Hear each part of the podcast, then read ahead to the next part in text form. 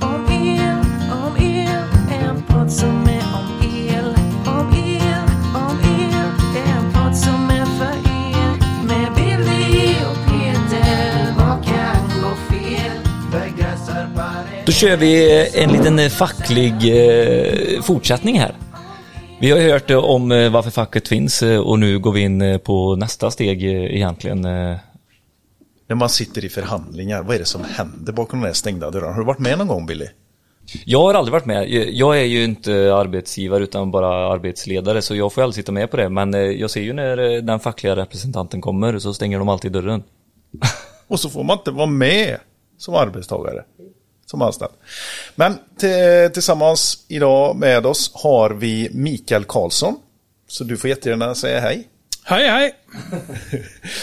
Vad, eh, vad jobbar du med? Vad, eh, vad representerar du?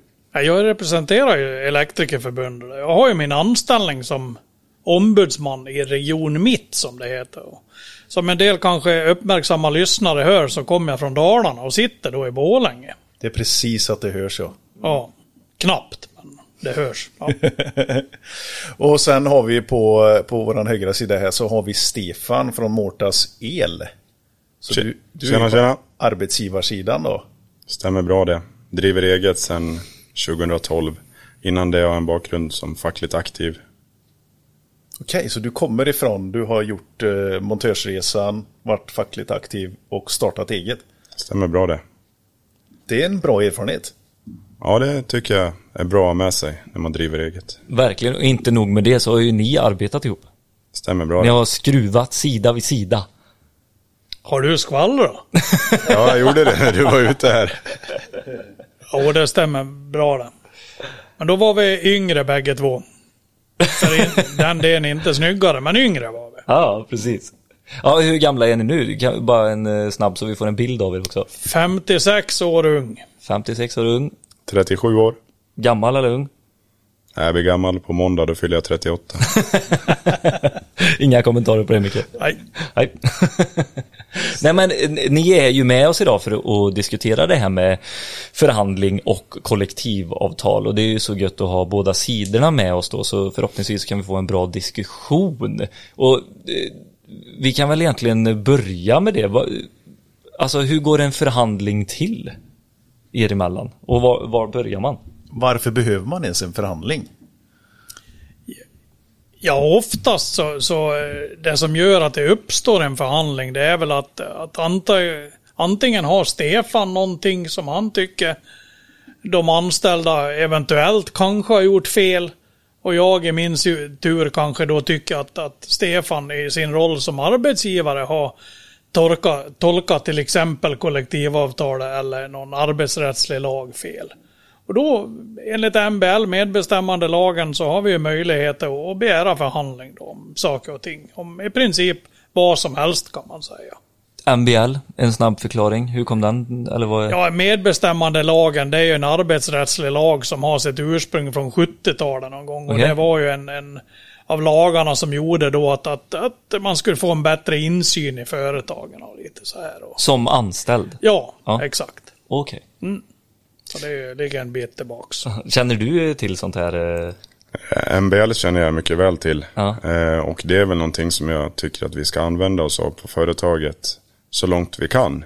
Så vi slipper att koppla in facket då. Att vi löser sakerna. Men när du säger så, slipper koppla in facket, är det... Vill, man, man vill att allt ska flyta på, det, det antar jag att ni också vill mycket, eller? Ni vill slippa, fast är det inte gött att ha ett samarbete då, på något vis? Absolut. Jag menar, om det inte är en förhandling så kan ju vi ha en, en, en informationsträff till exempel på företaget istället. Är det ju som så att det flyter på, ja då flyter det ju på för våra medlemmar också. Ja, Så, så det är ju naturligtvis bra. Men det är ju naturligtvis inte bra att det flyter på om vi inte har de tror att det är bra, våra medlemmar. Som, de vet inte att det är fel eller att det är tokigt. Va? Men Det är ju därför det är så viktigt med att ha det här emellan eh, förhandlingarna, att vi har den här diskussionen. Vi faktiskt ringer och pratar med varann innan det blir ett förhandlingsärende. Har du varit med om en förhandling, eller i en förhandling, eh, Stefan?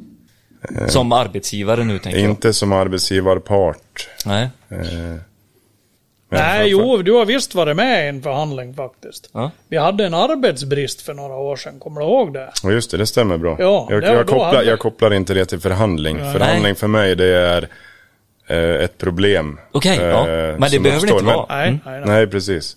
Utan då är jag... Ja, då hade vi en förhandling och då hade ju du eh, ja, din fackförening med precis. den gången som hette Ejo förut men som heter Installatörsföretagen nu. Just det. Då har ju de inga ombudsmän utan de har något så vackert som företagsrådgivare. Som eh, var med och stöttade Stefan den gången och det kan vara ett par tre år sedan. Ja, när det gällde Ja. arbetsbrist och Ja, uppsägning av ja. en anställd. Ja. Ja, Okej. Hur, hur gick det till då? Om vi tar den som exempel, om inte den är känslig att ta med?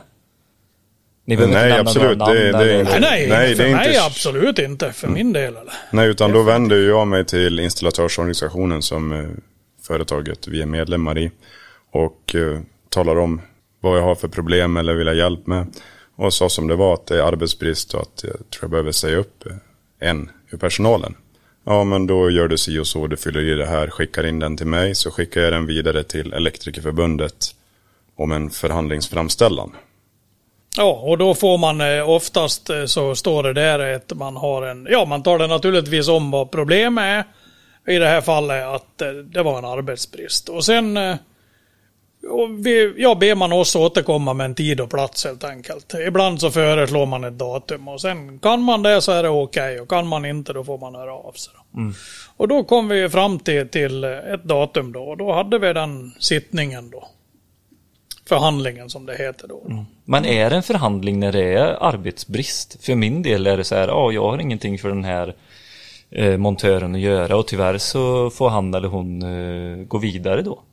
Jo, men det, det är ju en del, vi har ju en del kriterier som ska följas när det gäller att det är en arbetsbrist så att man får hjälp med omställning som det heter. Så att man får ett, det finns ju omställningsföretag som hör av sig och hjälper dig om du har blivit av med ditt jobb. Och, Så att du får prata Borlänge-mål, kanske behöver hjälp att få en spark där bak lite va. Ja, Få komma till och veta var man ska vända sig och lite så här då. Sen finns det ju vissa arbetsrätts eller ju som avtalsförsäkringar som, som kickar in om du blir arbetslös. Så, så att man får hjälp med sånt. Då. Det är väl en del och sen har ni väl också att eh, vi ska förut som företagare visa turordningslistan så att det är rätt medarbetare som sägs upp. Och att är det verkligen en arbetsbrist så det inte är någonting annat som ligger bakom. Eller hur Kasse? Jo, så är det det. Det finns ju olika. Olika incitament till, Ja, till varför så man säger upp och sådär. Och arbetsbrist det är ju egentligen allt som inte har med dig som person och individ att göra. Så den kan ju vara organisatorisk, den kan ju vara som, som du sa, vi har inga att göra. Och den kan även vara ekonomiska incitament. Då. Men utifrån en arbetsgivares eh, syn på detta då. Är, är det en jobbig sits att sitta i och behöva få de här frågorna ställda till dig när du bedriver en verksamhet som handlar om att sätta el i folks hem och sköta en entreprenad och, och sådär. Eh, Vilka frågor är det du tänker på? Så, Nej men att man hamnar i en ställning där man behöver ställas till svars för någonting. Det var som Billy sa, att nu ska vi säga upp någon här för det är arbetsbrist. Det är ju jättetråkigt. Men eh, nej, men som arbetsgivare, jag vet ju det själv också att vi har ett stort ansvar eh, för medarbetare och så vidare. Sen är det klart att man tänkte tanken att varför ska vi behöva ha ett möte för det här? Är det inte bara att fylla i ett papper? Eh, men samtidigt, det var ju inget korsförhör på något sätt utan det handlar om att kolla så allting har gått rätt till, papper är ifyllda och att eh, den medlemmen i facket då kan få den stöttningen den behöver efter uppsägning. Så att känns helt okej liksom och bra. Och nu, nu har vi pratat med förhandlingen som sker er emellan, men du nämnde ju Mikael att det kan ske förhandlingar mot eh, alltså era medlemmar också. Eller med, mot, vad säger man? Ja, våran motpart menar du? Nej, jag tänkte era medlemmar. Ja, ja, det, det kan ju vara ju som bekymmer som kan dyka upp ju som att man, man helt enkelt, ja, för det kan ju bli jävligt kinkigt och känsligt om du inte får din lön till exempel. Ja. Och det händer ju då, att medlemmar hör av sig att de har fått, eh, ja, de upplever sig ha fått fel lön. Va? Det, jag ska ju inte säga att de har fått fel lön förrän vi har kollat på det. Men de har upplevelser för att det har blivit tokigt med lön till exempel. Och då är det ju naturligtvis en, en då lär jag begära in ju som deras lönebesked och, och allt sånt där och kolla, är det fel helt enkelt? Och är det fel, ja då måste jag begära förhandling i min tur med, med företaget då eller ja, med igen om det är så då. Och sen vissa har ju, ju, sköter ju allt själv. De har ju HR-organisationer som är Ja. Och de kan på, du också prata med? Absolut, med. som ja. kommer till och med upp på juristnivå nästintill. Va? Och jag menar det, det viktigaste för en företagare det är väl att betala rätt lön på rätt tid. Va? Att, Ja, är det det viktigaste? ja, det är nog en bland de känner- viktigare grejerna att Ja, man får I rätt tid och rätt ja, lön. Ja, liksom. det är, för annars blir det väldigt dålig stämning oftast kan jag säga. Mm.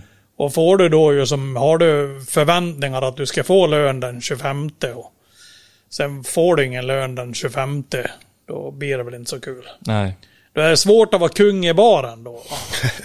Den 25. så är det. Ja, Ta spar.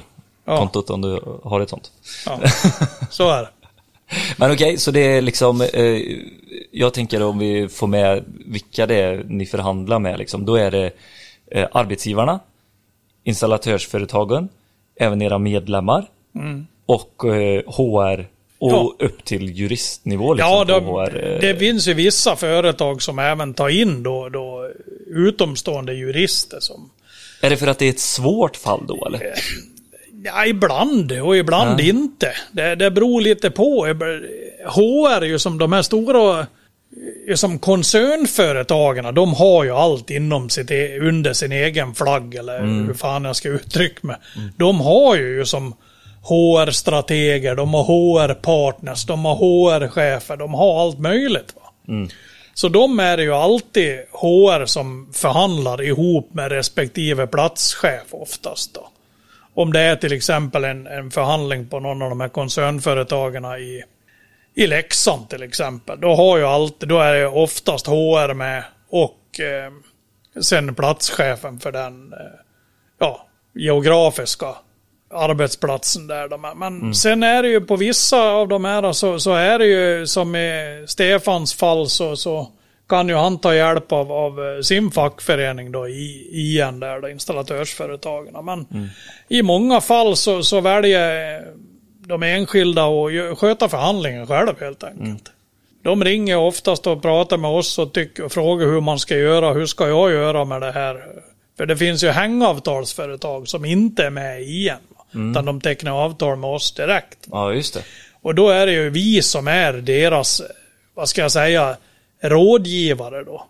Men det är ju vi företräder, eller står ju alltid på våra medlemmars sida naturligtvis. Men vi har ju en, vi hjälper ju gärna till om de ringer, vi ska göra det också. va. Så att, ja, vi förhandlar egentligen med, med, i vissa företag har det väl hänt att det sitter flera ägare mitt emot mig som ni gör nu på förhandlingsbordet. Men det är faktiskt kontoristen som för talan på företaget. Va? För hon har bäst koll. Och de frågar henne ju som hur, hur ligger det till, hur är det, har det blivit fel eller ju som, vem är det? Ju som, ja, de nickar bara när hon säger någonting. Så att det, det finns alla typer av upplägg helt enkelt. Kan du säga den vanligaste eh, förhandlingen som ni går in i? Finns Ja. det en sån? Ja, just nu om jag uttrycker mig så här, de här sista, eh, om jag säger det här jävla året vi har haft framför, eller bakom oss nu, där har det ju varit många av de här korttidspermitteringarna. Va? Och det, det har väl varit en ganska så vanlig förhandling kan man säga, men sen är det ju, det är Vad, allt, vad är det då i den eh, korttidspermitteringen som är, blir en förhandling? Ja, det är ju så att man får ju som så att vi ser ju till så att våra medlemmar får de här löneavdragen som Tillväxtverket har kommit att det är 7,5 procent om du jobbar 60 procent till exempel. Och, och att det stämmer allt ju som att man, att man faktiskt får ett schema hur man ska jobba så att det är lättöverskådligt även för de som är, vet att han ska vara ledig två dagar i veckan till exempel. Och, och att det, ibland kan det bli lite orättvist kanske om någon får vara hemma länge och någon han kanske inte vill vara hemma för han har inte råd att förlora de där om det är 7,5 procenten till exempel. Utan eh, så att man faktiskt får någon, man byter kanske efter var 14 dag eller något sånt. Va? Det har ju varit en väldigt eh, vanlig förhandling nu det här sista skitåret här då. Men just som det som, jag får väl lov att säga att, att det eh, regering, riksdag kom fram till när det gällde det där. Jag tror att det har räddat vansinnet med många av våra medlemmar faktiskt från att bli arbetslösa. Och det visar sig väl så här i, i efterhand att det var nog fan klokt det där att det fick kosta lite skattemedel. Har du behövt eh, använda något, eh, Stefan, eller? Ja, nu när ni Micke tog upp det där så har jag ju faktiskt förhandlat om det också. Ja. För precis ett år sedan. Och det är som Micke säger, det är väldigt tur att det fanns. För att eh, under de här åtta åren som jag drivit eget så har det liksom varit fullt upp från dag ett. Och det var ju när restriktionerna infördes i fjol som vi märkte av det tydligt. Vi hade tre veckor som det var helt dött på telefon. Inte ett enda inkommande samtal. Och visst, vi hade en alltid, som alltid, en att göra-lista, bearbeta ordrar som ligger och väntar. Men när vi hade städat av det och det fortfarande var lugnt på telefon, då vart jag ju tämligen orolig. Ja. Jag började ju liksom tänka att äh, vi håller ut en, två, tre veckor här för att se vad som händer. Men det liksom, det, det var dött. Så att eh, då, korttidspermitteringen, det var ju antingen det eller att varsla om uppsägning. Ja. Så att eh, det var samma procedur som vi pratade om tidigare där jag vände mig till installatörsorganisationen. Hur ska jag göra här? Och eh, eh, fick då ange hur många procent jag ville att personalen skulle gå ner i tid och hur mycket, eh, vilka då. Och det var inga som helst problem från fackets sida heller utan det var ju bara att komma överens och skriva under ett papper. Så att, eh, Och de anställda eh, förstod hela delen också med upplägget så, eller? Absolut, det gjorde de ju. De märkte ju själva att eh, det var lugnt. Många har ju egna kontakter och kundkontakter så, så att de märkte ju att det var lugnare. Eh, Men det, är ju, där också var det ju så att efter några veckor, eh, vi gick ner 40% i tid. Det var en av grabbarna som hörde av sig till mig, Stefan, det här med att vara hemma, permitterad, det är ingenting för mig. Alltså om det finns möjlighet, kan jag få komma tillbaka och jobba? Finns det något jag kan göra? Eh, Så då fick vi kolla på det då såklart. Och lösa situationen. Sen, Ja. sen vände det, som tur var. Exakt. Så att det var någon månad vi behövde använda det. Och hur löste det sig? Jag tror det här var nog en ganska vanlig förekommande förhandling då för ett år sedan som många kan referera till som arbetsgivare. Och även som anställd. Hur löste det sig? Ja, jag hade tur helt enkelt. Det var, ehm, det var så att jag passade på att eh, ha lite mer fritid. Det har varit lite begränsat med de sista åren. Var ute på golfbanan med en eh, leverantör. Han hade bjudit in en annan kund. Eh, som efter en stund frågade hur vi hade det med jobb. Jag sa det är väldigt lugnt just nu. Jag har permitterat personalen. Jaha, vad bra för mig. Jag har ett stort projekt i Västerås. Kan du skicka ner någon gubbe? Ja, när då? På måndag, sa han. Och det här var en torsdag. Jag bara, okej. Eh, så det var bara att börja rodda med boende och grejer. Och fick tag i en lägenhet som vi kunde hyra. Så de vart där, de skulle vara där i åtta veckor då, två man. Men det vart tio veckor till slut. Fram till semestern. Så. Då kunde vi ju skicka iväg dem då. Och dra tillbaka korttidspermitteringen. Och vi kunde lunka på hemma. Så kom igång igen. Det är jättebra. Eh, och det är väl där som du har nyttjat facket på, på rätt sätt då och även installatörsföretagen på, på det sättet som man ska göra när man sitter trångt till. Du, du skulle ju samtidigt som corona kom som arbetsgivare skulle du se till att vara konkurrensmässig också för att kunna ta jobb och även då förhandla för att ja, det blir konstigt alltså ett läge för dig som arbetsgivare att då göra sig av med folk för att rädda en del av företaget också. Att kunna få dem att gå tillbaka till någonting när det var klart sen. Och då är det jättebra att det finns parter som, eh, som förhandlar för och emot.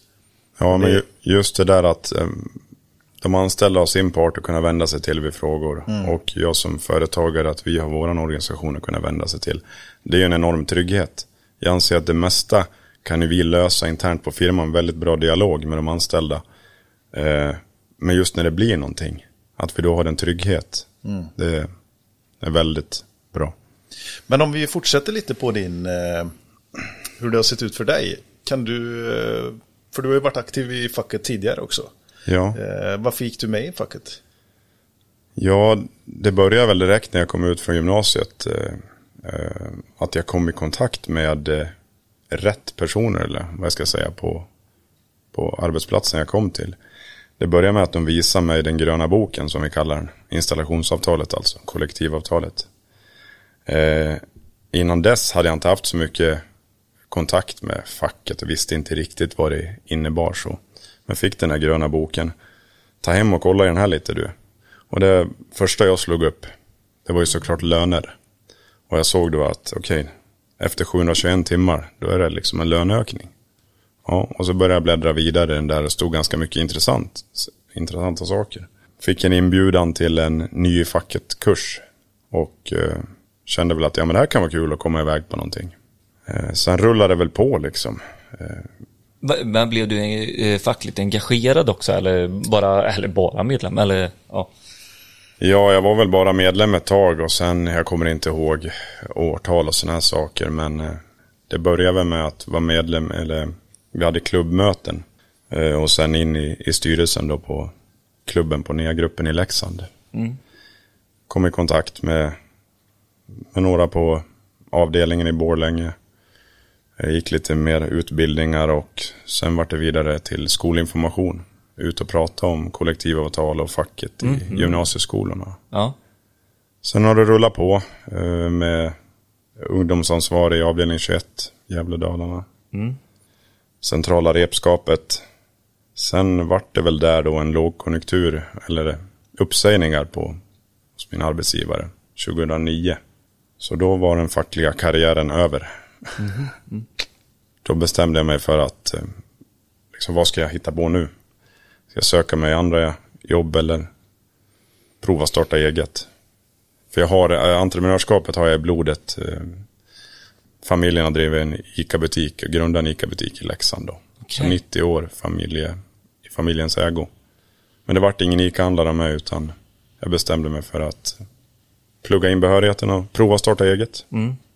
Fasen vad kul. Ja, riktigt rolig resa faktiskt att vara med på. Men för då tänker jag också, då har du gått hela den vägen och så blev du arbetsgivare. Och det, är också en del som vi har. Är det självklart att dina anställda ska vara med i facket?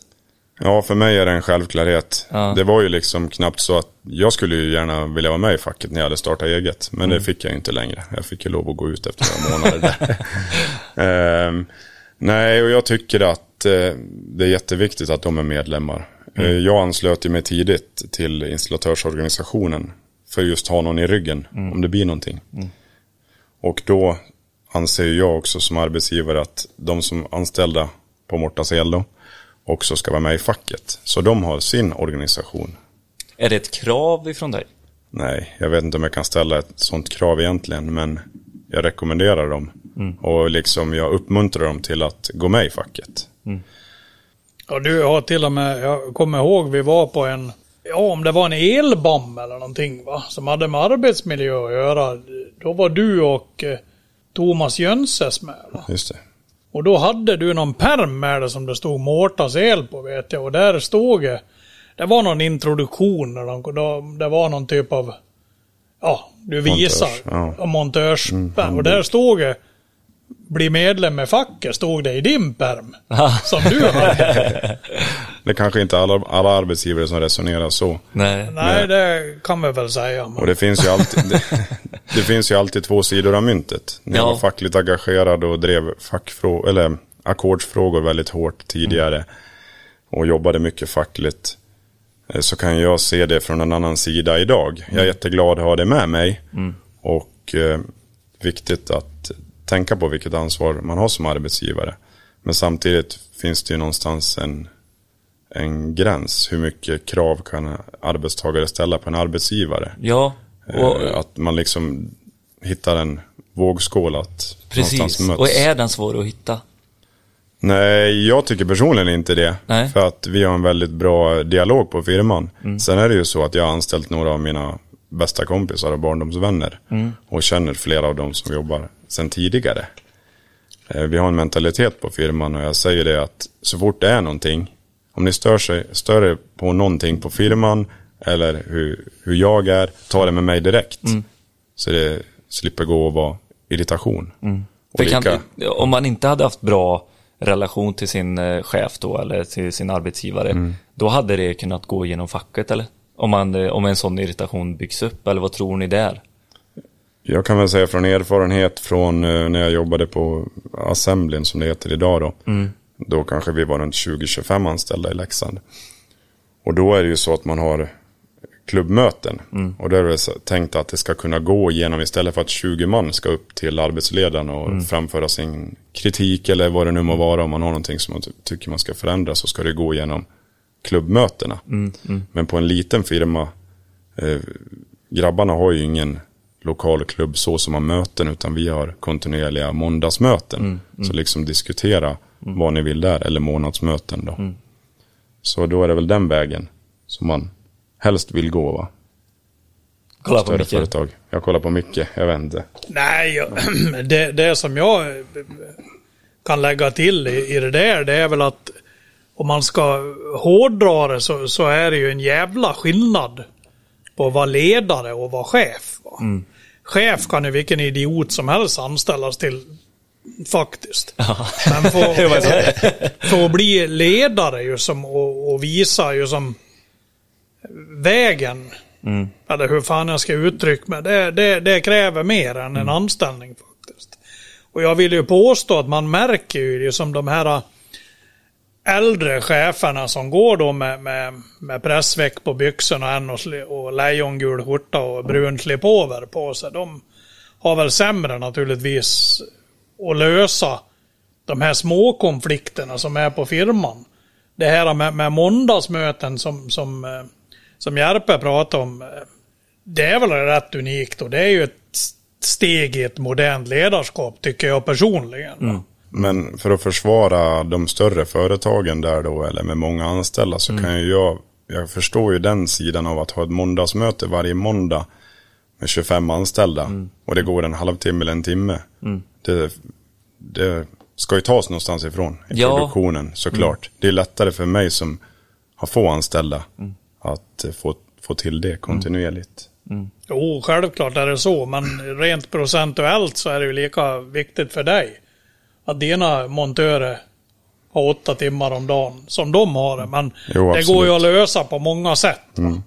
Man behöver kanske det i dagens samhälle så kan du väl skicka vad du vill på elektroniskt, digitalt. Facetime eller Ja, något eh, Teams-möte Precis, och det, det, det jag där. tror att... Nu menar jag kanske lite längre tillbaks, men det, mä- det blir ju modernare och bättre ledarskap. Jag tänkte på det när du sa en brun uh, slipover. Ja, det är inte så modernt längre. skjorta, det är inte så Ja, modernt. nej. Nej, jag köper det faktiskt, Ah, argumentet. okej. Ja. Jaha, jag trodde du köpte brun uh, pullover och gul skjorta. Jag brukar ha det titt som tätt. Man vill ju vara fin ibland. Ja, ja, så är det. Men kan vi inte gå vidare och så prata om det här kollektivavtalet som alla, gröna boken och det liksom. Vad, eh, vad innebär det? Vad är, för någon som inte är med i facket eh, och inte har engagerat sig, vad är, vad är det? Ja, men jag ska som generalisera lite, eller som, ska man vara eh, korrekt eller ska jag vara som jag brukar vara?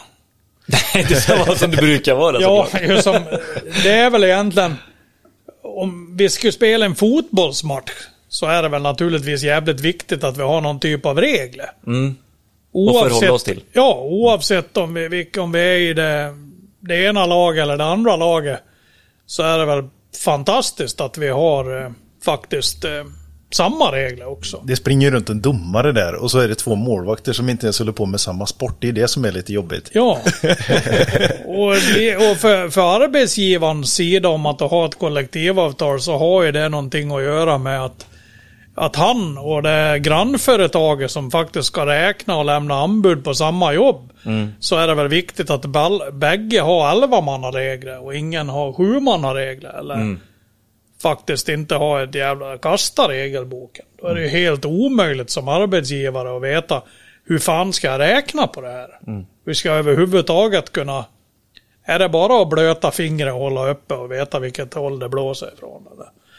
Men ja, så är det väl. Men det är ju... Det är därför den är framtagen egentligen. Ja, För, det är för väl... att ha ja. eh, samma spelregler både... Ja, och sen är det väl naturligtvis är det väl eh, om man ska vara lite mer som det är egentligen så är ju det en, en vad ska man säga, det är ju en, en det är ju, vi garanterar ju fred. Va? Det blir ingen strejk heller. Va? Och man, nu menar inte jag för enskilda arbetsgivare utan nu menar jag för, för branschen. Va? Så länge vi har ett kollektivavtal så är det ju, det är ju fredsplikten vi säljer så att säga. Det, det är lugnt i tre år till exempel om vi har tre året. Då. Och det fjärde blir kaos. Ja, Däremot. kan bli. Men eh, det, det har blivit mindre och mindre kaos faktiskt. Ja. Vad bli. innehåller den här eh, gröna boken? I korta drag. Ja, den innehåller ju allt som har med, med, med, din, med löner och ju som övertidsersättningar och arbetstidsförkortningar och allt sånt som folk faktiskt tror att det minimistad, om det finns en lagstadgad minimilön till exempel i Sverige. Det brukar jag ställa när jag är på vissa skolinformation och på vissa medlemsmöten. Det finns ju ingen. Nej. Allt som har med sånt att göra finns ju i kollektivavtalen. Va? Ja, det finns vansinnigt mycket där som har med dig att göra med dina med din Ja men det är semestrar, Ja. det är reseersättningar, Ja, ja, det är ligga när du, vad heter det, traktamente Ja, och ja, allt ja, sånt eh, reglering. Ja, semestern finns ju en lag naturligtvis, men det finns ju som ersättningarna finns i kollektivavtal och sånt. Ja. Allt som har med lön att göra kan man säga, det, det finns. Den är inte så tjock ändå. Oh jo! Herregud. Du har haft en eh, handbok installationsavtalet, det är ju som Men det är samma som kollektivavtalet? Ja, det är, installationsavtalet. det är ett Ja. av våra kollektivavtal, installationsavtalet. Okej. Och det är ju tjockt och väldigt innehållsrikt. Men eh, ja, det är ju det låter bästa bökigt. avtalet på Nej. svensk arbetsmarknad faktiskt. Är det så? Ja, det är det. Det är därför eh, det är ett av de dyraste facken också. Troligen. Ja. Men, det det, är väl- kom, ihåg, kom ihåg att det är en vansinnig skillnad på om någonting är dyrt eller om det kostar mycket pengar. Dyrt, det, då är Tänk det på inte det. bra. Kostar det mycket pengar, då kan du ha det resten av livet. Mm. Kvalitet heter det. Ja, ja, ja, nej jag har inget att säga. Så är det verkligen. Eh, Men är det, eh, tecknar man ett kollektivavtal som eh, arbetsgivare också? Med, Om jag, om jag som företagare väljer att ansluta mig till installatörsorganisationen och har anställd personal, då ska vi följa kollektivavtalet, alltså installationsavtalet. Eh, vill man inte bli medlem i branschorganisationen, eh, Kasse var inne på det tidigare här, då går det att teckna ett hängavtal direkt med Elektrikerförbundet för att man ska följa. Ja, man lär följa samma avtal i alla Ja. fall. så. Ja, och, det- och eh, alltså det kostar ju att vara med i installa, installatörsföretagen. Där Ja. betalar man en månadsavgift antar jag. ja, stämmer bra. Eh, om man har ett sånt här hängavtal, kostar det? Det kostar. Jag förstod att du skulle svara mycket det, fråga hur mycket det kostar. Nej, vi ska inte prata Men- om hur mycket det kostar, men jag tänker Nej. bara så här och, och eh, knyta sig till Det eh, kostar en slant. Ja, Mindre än eh, en bil. Och mer än en kexchoklad.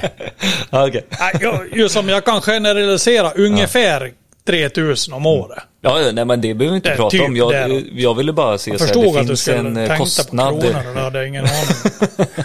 Men den är lägre än att vara med i installatörsorganisationen. Så är det ju. Det där kan du ta närmare mikrofonen. Nej, skämt åsido. Ja. Vi har ju precis pratat om hur bra det är att de finns också. Men du har ju ett annat stöd där och det ska vi ärligt Ja, så är det ju. säga. Absolut. Så är det. Det var som du sa förut, man får det man Ja. betalar för. Ja. Men du har tryggheten och spelreglerna att kolla på även vid hängavtal. ja. Och, och eh, då, då kan man bara, om det är arbetsgivare där ute som inte är med i installatörsföretagen och är sugna på hängavtal. Då, då ringer man bara till er och säger, ja men jag Det vill kan man göra. Då kan man höra av sig. Ja, Ja. och det är inga konstigheter, det är Nej. inget konstigt liksom. Nej. Ja. Det tycker inte jag. Det är väl bara att man hör av sig. Har man då, precis som Stefan säger, anställda, ska man definitivt höra av sig. Då. Och är det då så att vi får någon medlem som börjar hos någon arbetsgivare som inte har avtal, då hör ju vi av oss.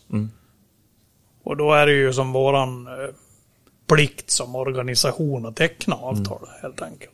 Jag läste ju om det här solcellsinstallationsbolaget. Vi behöver inte nämna några Mm. Nej, namn. nej. Men de hade ju två hängavtal om Ja. Mm. jag förstår det rätt va? Det gillade ni inte. Nej, och det, Men det är är okej väl att någon, ha installatörsföretagen eh, med. Det är väl någonting som är eh, under väldigt stor utredning just nu, så jag vet inte riktigt vad jag ska, Nej, ska säga nej, om just det. nej, Det är inte, det ligger... det är inte så vanligt. om Nej, man säger så. nej, det är väl inte det. Men är det vanligt att inte eh, ha kollektivavtalet? eh, finns det någon uh, framtagen procent på det eller? Alltså Nej, inte eller? som jag vet om faktiskt. Det, det, jag tror nog att om man tittar på, på, på så är det ganska hög organisationsgrad bland arbetsgivarna faktiskt. Mm. Men jag kan inte svara hur hög han är. Men det är klart det finns företag som inte har kollektivavtal. Så är det nog. Men behöver du försvara någon gång Stefan att, eh, att ni har ett, eh, att du är med i installatörsföretagen och går efter eh, kollektivavtalet med SEF och så? Nej, det har jag aldrig behövt göra. Har du behövt eh, andra arbetsgivare som du känner som inte är med? Alltså, Ja, inte i elbranschen, men andra hantverkare som vi jobbar tillsammans med. ja, Eh, När, vi när jag diskuterar frågan med dem om de har kollektivavtal. Nej, vi löser det ändå, säger de. Och, Ja, men branschorganisation då? Nej, det behövs inte.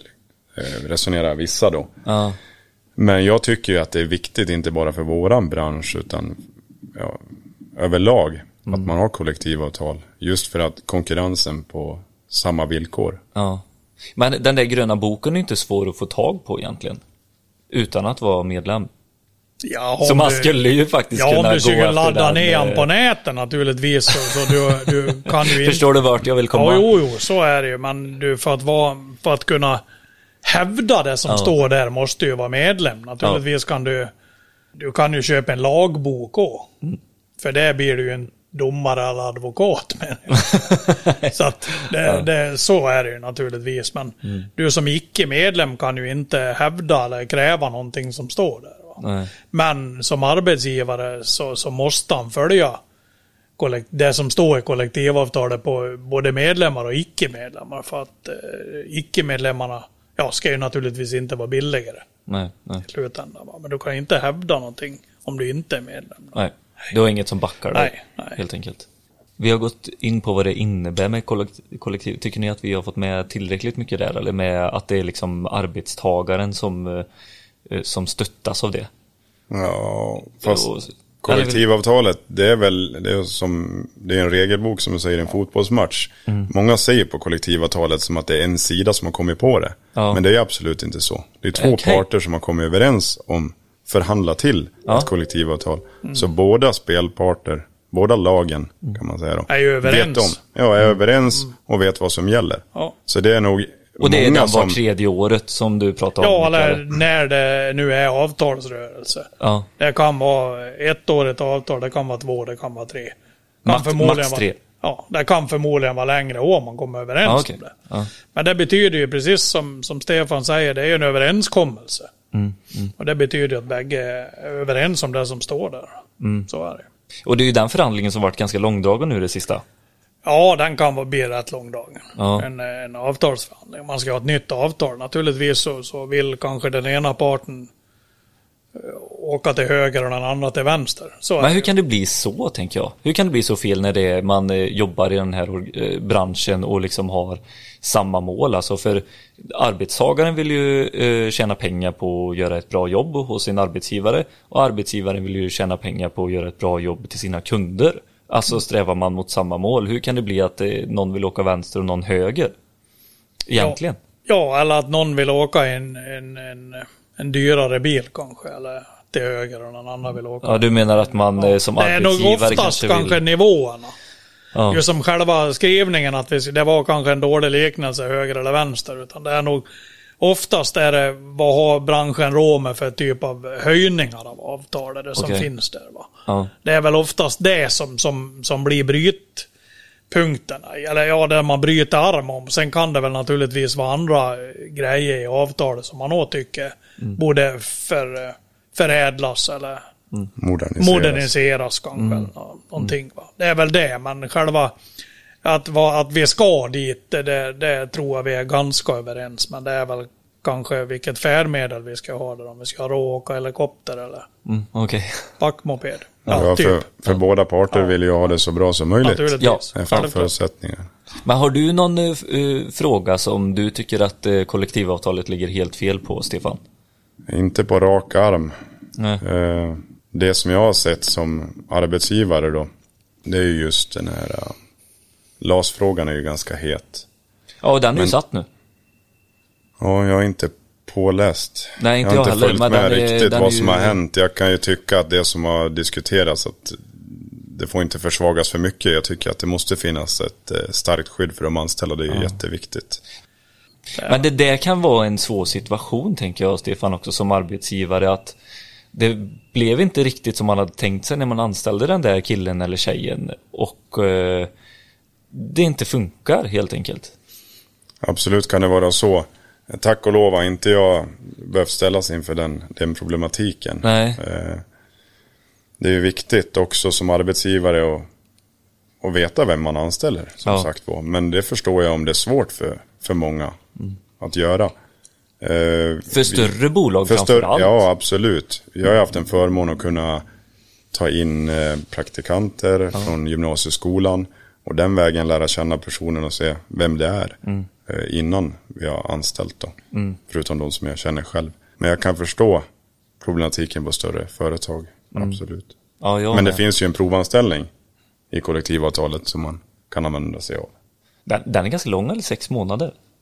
Nej, det finns ju naturligtvis. Och det här med, med, med lagen om anställningsskydd om man får kommer fel helt enkelt i sin anställning så det finns väl alltid saker man kan göra eller inte göra i det där naturligtvis. Men, men eh, att eh, lagen om anställningsskydd skulle hålla sådana som missköter sig grovt och, och så här om ryggen, det är nog inte sant faktiskt. Nej.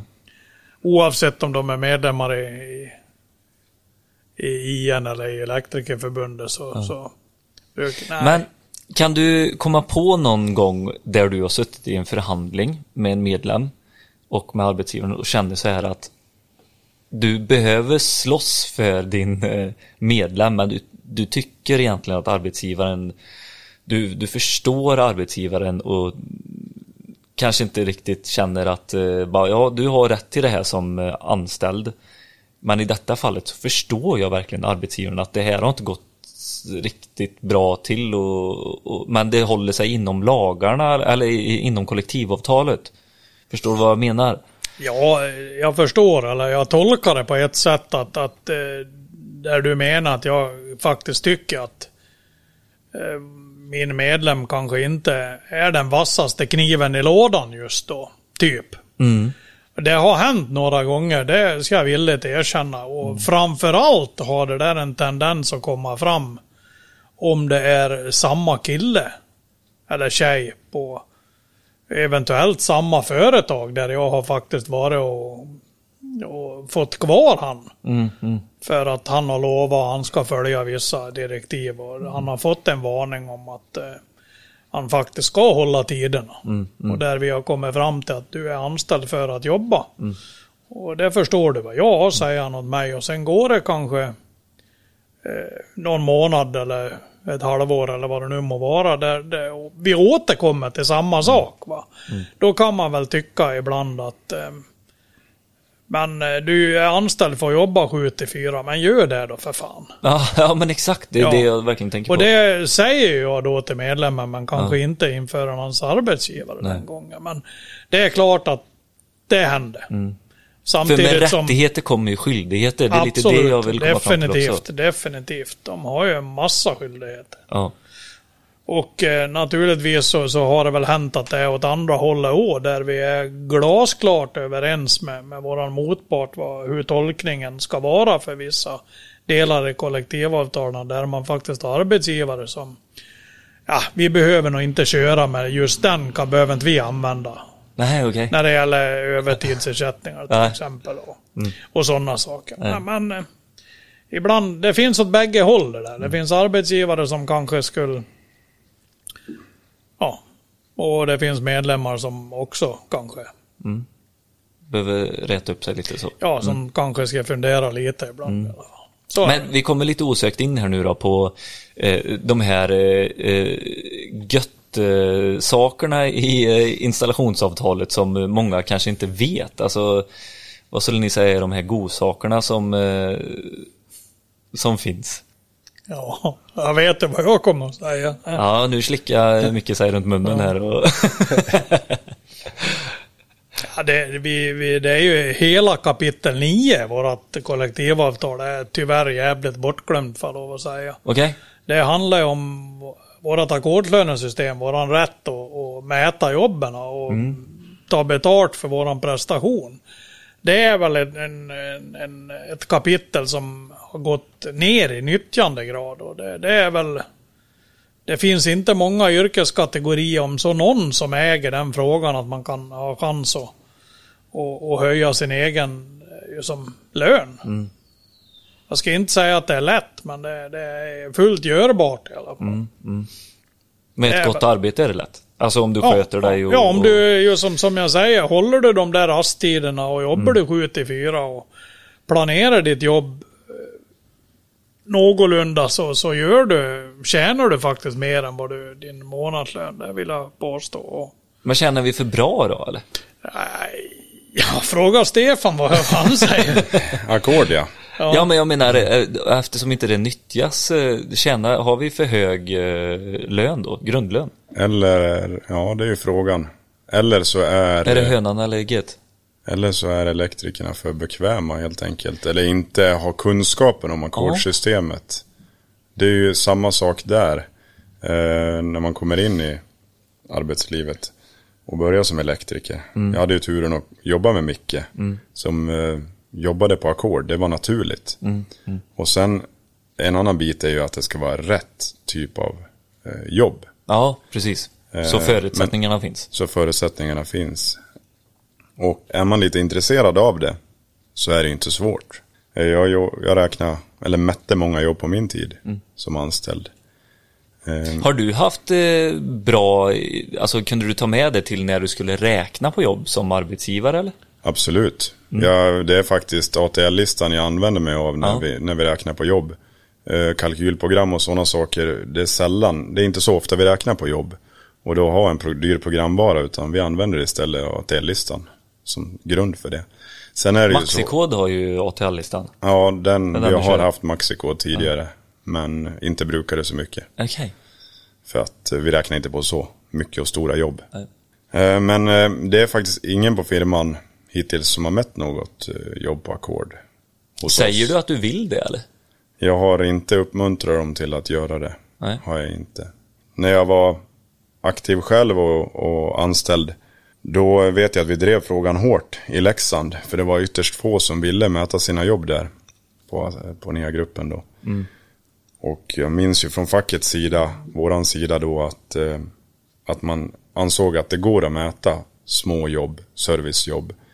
Men jag köper det som grabbarna då resonerat. Det är omöjligt, vi hattar hit och dit. Det, som arbetsgivare nu och själv ute på servicejobb och ser hur grabbarna jobbar på firman. Jag förstår att det kan vara svårt med mindre jobb. Men det som är bra med detta är väl, för väljer du att mäta på ett jobb, du kan aldrig få mindre i lön. Nej, du har alltid din grundlön. Du har ju alltid din grundlön. Ja, precis. Så mäter du jobbet och märker att, eh, ja ah, fasen vi gick eh, på ATL-tiderna här. Jobba inte snabbare än vad ATL-listan är, för det är ju det vad det innebär. Alltså att man jobbar snabbare än vad ATL-listan är. Eh, och då förlorar man ju inget på det heller. Precis. Jag skulle inte vilja säga att det handlar om att jobba snabbare utan det är att, att planera och jobba effektivt. Japp. Som det bygger på. Ja, och man kommer väldigt långt med det jag sa. Att man, börjar man att hålla tiderna och jobba åtta timmar om dagen och ha rast när man ska ha rast. Och, För jag vill ju påstå att Ja, jag sticker väl ut haka lite. Jag ger mig fan på att det är inte många elektriker i det här avlånga landet som faktiskt åker ut på arbetsplatsen och latar sig i alla fall. Nej. De åker dit och de jobbar. Och om man nu omsatte det ju som använde det ju som och skrev några rader i, ackordswebben som vårt program heter så tror jag nog att man skulle kunna se att ja men vad fan det är ju görbart. Va? Men naturligtvis så köper jag det där Järpe säger de här För det är ju naturligtvis så är det väl, ATL-listan är ju, bygger ju på att man har en viss upprepning, man har en viss upparbetning av vissa moment man gör. Att åker man och gör ett moment där och ett moment där så blir det ju sämre. Va? Så, det, det, så är det, men, men möjligheterna finns i alla fall. Och eftersom du frågar vad, vad som jag tycker är den, den guldklimpen som är glömd, Mm, så precis. är det kapitel 9 helt Ja, enkelt i, ja. i installationsavtalet. Ja. Sen är det ju mycket andra små, små grejer som, som folk eh, tar för givet som står där bland annat. Att man, man är faktiskt anställd 40 timmar i veckan är din arbetstid. Va? Och ska ligga med 8 timmar måndag till, till fredag. Va? Det är en ganska viktig liten mening som står där. Och den tror man har glömt bort igen. Att, att den, den är så självklar för folk. Va? Men vissa andra branscher så ser vi väl helt andra anställningsförhållanden och arbetstider. Va? Där man eh, jävlas bra nog. Men eh, Till och me- med övertiden är reglerad va? Ja, jajamän. Precis. Allt sånt är reglerat. Va? Så är det.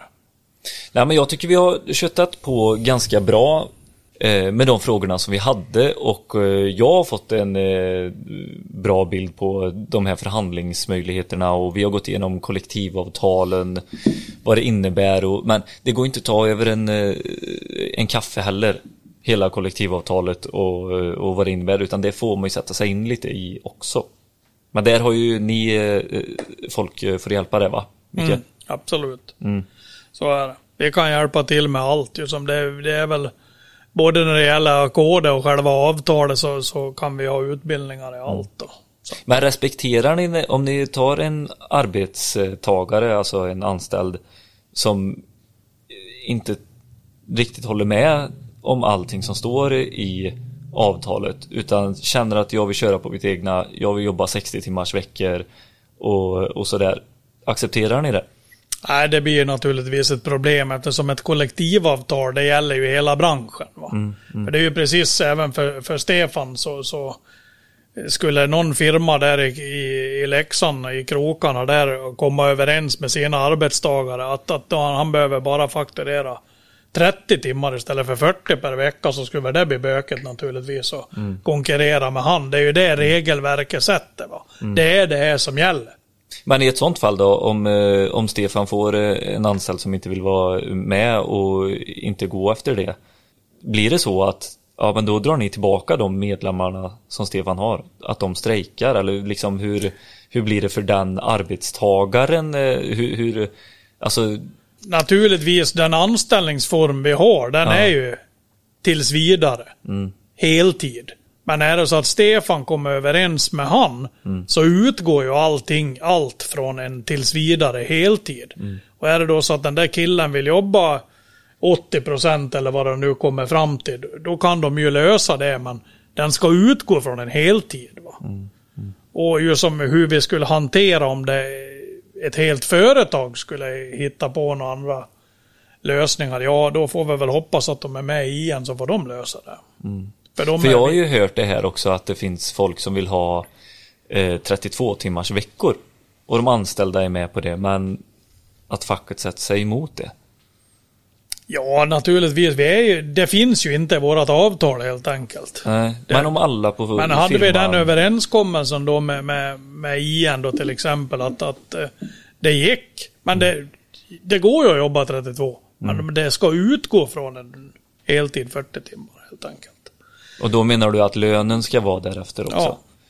Men om man höjer lönen då så blir det 80% då blir det en vanlig Förstår du vad jag menar? Nej, inte riktigt men Ja, ungefär. men, för jag, jag, kan inte, jag kan inte riktigt vara jag, jag förstår att det är liksom de här spelreglerna som vi alla ska förhålla oss till men om ett helt företag med 10 anställda och arbetsgivaren kommer överens om att vi mår bäst av att jobba 32 timmars veckor Mm. Alla vill börja klockan åtta på, på dagen och så Men då gör de det. Ja, det kan ju inte vara något problem så länge Nej. de har sin de lagstadgade det. minimilön Ja. och sen får de ledigt en extra dag. Det, Ja, det, det utgår från en heltid, 40 timmar hela tiden. Och om de reducerar den utifrån de regler som finns i kollektiv, då är det väl inga problem med det. Nej, ja, okej Nej. Så efter allting som vi har pratat om här nu med förhandlingar och kollektivavtal och arbetsgivarrätt och den anställdes ansvar och eh, rättigheter. Så vad är en bra förhandling, Micke? Eh, när, är, när är båda parter nöjda? Är det, en, är det en bra förhandling? Ja, det är ju egentligen det det bygger på. Att vi ska kunna gå därifrån och förstå det, vad den andra sa, vad den andra hade för problem och vad, vad kom vi fram till? Jo, vi kom fram till den bästa möjliga lösningen för det. Så vi kan leva med den. Vi kan, ja, ja, det är klart att vi ville lösa det här. Det är klart det vart fel. Då kan vi gå därifrån. För det är ju precis som så här, som Stefan, han är toppen i det där skeppet, i den lilla båten. Han är kapten där, han är högst va. Arbetsgivaren. Ja, han har någon platschef eller projektledare som sitter en bit ner och sen har han arbetarna som sitter lite längre ner mot, som är motorn och drivkraften i den där båten. Va? Och skulle den där båten någonstans gå på grund så spelar det väl för fan ingen roll vad du har för titel. Du drunknar ju lik förbannat om båtjäveln sjunker va. Så man lär försöka ha och förstå att företaget eller projekt eller vad det nu må vara, eller hela jävla branschen, måste försöka vara någonstans rätt så överens om vad fan vi ska någonstans. Va? Oavsett om du har arbetare eller projektledare eller ägare eller aktieägare, ja, vd eller vad det nu må vara. Ja, jag håller med till 100 procent.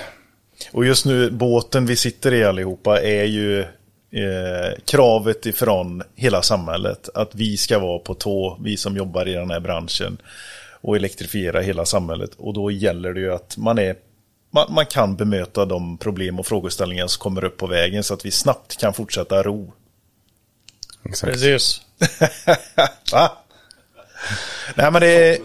Ja, det är sagostund. Nej men vi får nog jobba lite så tror jag, lite bildligt. Och att eh, man liksom förstår att det här är ingenting som är emot den ena eller den andra. Och är det så att man har upplevt det från arbetsgivare eller från arbetstagares håll så handlar det nog kanske mer om den personliga inställningen från, från förhandlingen vid bordet. Eh, och det, då krävs det ju ett par möten innan man har landat lite grann och hornen försvinner.